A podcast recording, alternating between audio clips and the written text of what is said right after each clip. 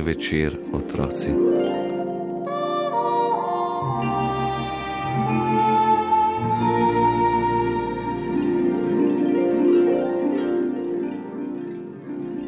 Pri telovadbi je vedno veliko zabave.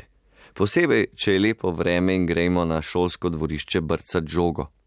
Učitelju pravimo migec, to pa zato, ker ima črne brke, ki mu kar naprej poskakujejo gor in dol. Zanima nas, kje se je tega naučil in koliko časa je moral trenirati. Vsi fanti v razredu že komaj čakamo, da tudi nam zrastejo brki, potem bomo mogoče celo začeli učiti telovadbo. No, Migec je tudi edini učitelj, ki se na nas jezi, kadar smo premalo živahni. Ampak v tretjem A s tem ni težav. Od vsega imamo najraje nogomet, tudi zadnjič smo ga igrali. Edina težava je bila v tem, da so v telovadnici belili in smo morali igrišče deliti s sošolkami. No, drugače nimam nič proti puncam, za eno se mislim celo poročiti, čeprav ona tega še ne ve. Se mi še nič ne mudi. Čeprav je Ana zelo simpatična, o nogometu nima najmanjšega pojma in tudi druge punce ne. Samo v napoto so bile, ko so se žogale na svoji polovici, ker smo se hoteli pripraviti na tekmo proti četrtemu B naslednji teden, bi raje igrali po celem igrišču. Migac je zato predlagal, da zaigramo kar proti sošolkam. Najprej smo go drnjali. Za punce sta kolebnica in ristanc. Nogomet je vendar moška igra. Ženske se ne morejo tako dobro metati po tleh, ker se bojijo umazati svoje oblekice. A Migac nas je le prepričal. Tudi pravi nogometaši včasih igrajo proti slabšemu moštvu, ko se pripravijo na bolj pomembno tekmo. Poleg tega je punc v razredu več kot fantov in naša premoč ne bo tako zelo velika.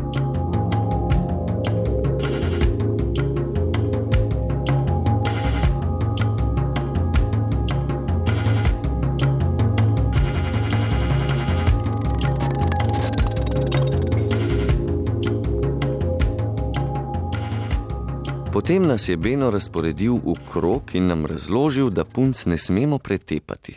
Malo zato, ker se to ne spodobi, malo zato, ker moramo vse moči hraniti za četrti B. Bena vsi ubogamo in je naš kapetan, drugega nam ne preostane, je najmočnejši in bi nam drugače trda predla. Sredine je začela Polona. Ona je največja piflarka v razredu in nosi očala. Miha je mislil, da ji ne bo težko vzeti žoge, ko ga je sunila s komovcem in stekla mimo, tega ni več mislil. Samo jokati je začel, zaradi tega se nismo preveč razburjali. Miha kar naprej joka. Vseeno mu je, ali je na urniku matematika ali telovadba, v vsakem primeru pade in se potovče. Z njim se nismo ukvarjali, preveč dela smo imeli z lovljenjem polone, za piflarko zelo hitro teče. Žogo ji je uspel vzeti šele jaka, še to ne za dolgo. Nan so takoj skočile tri punce in podale žogo Ani. Naenkrat je bila sama pred našim golom, samo Beno je bil šel na poto, ni le najmočnejši, ampak tudi najširši, najbrž zaradi gore sendvičev, ki jih vsak dan poje. Mimo njega je zelo težko spraviti žogo v mrežo. Iztegnil je roko, da bi pobral žogo. Takrat ga je zmotilo šumenje vrečke z bomboni.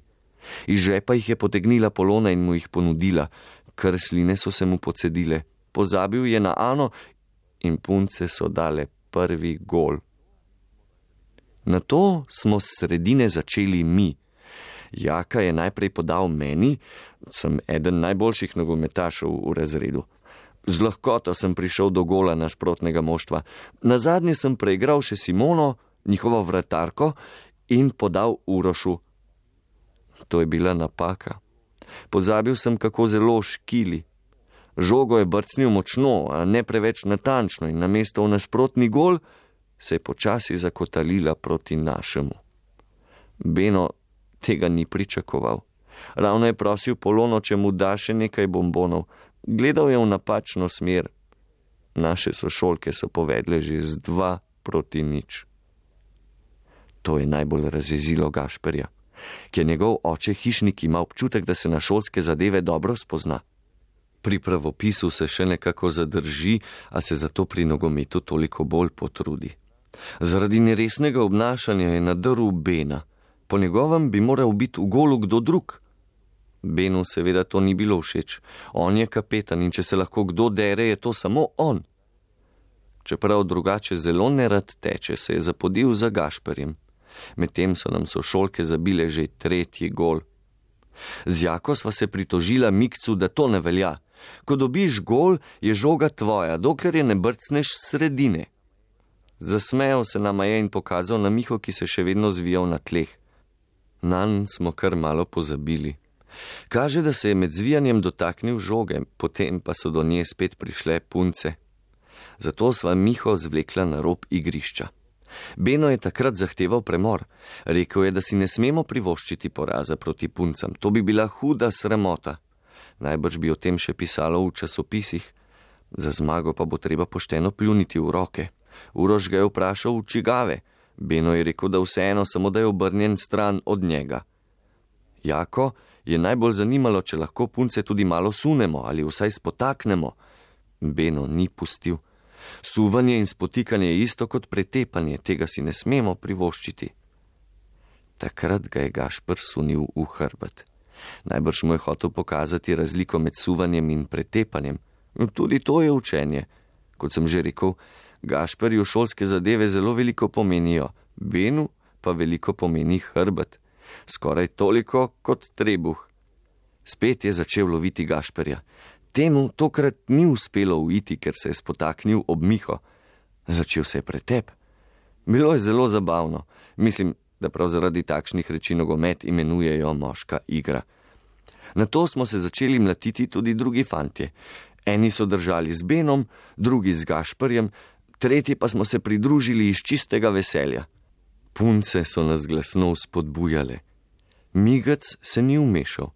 Že večkrat je povedal, da je pretepače najbolje pustiti, naj se sami utrudijo, potem jih samo še primeš za ušesa in odpelješ k ravnatelju. Tako je z njimi veliko manj dela, sploh pa pretep ni bil zelo hud, jokal je samo Miha.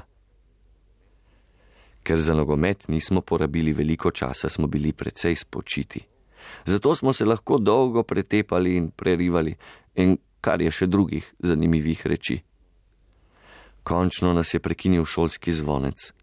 Sicer še vedno nismo ugotovili, ali ima prav Gašper ali Beno, to da odmora si vseeno nismo hoteli pokvariti. Nažalost smo se šele takrat spomnili, da je s tem hkrati tudi konec tekme. Sošolke so nas premagale, s tri proti nič.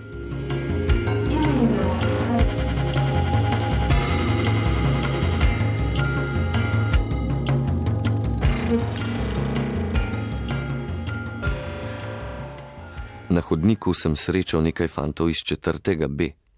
Posmehovali so se, kakšne reve smo, se so nas premagale punce. Naj se kar smejejo, ne vejo, kaj jih še čaka. Beno, ki je naš kapetan, je že odločil, da bo na tekmi proti četrtemu B vsaj polovica naše ekipe sestavljena iz punc. Takrat bo pa našim nasprotnikom trda predla.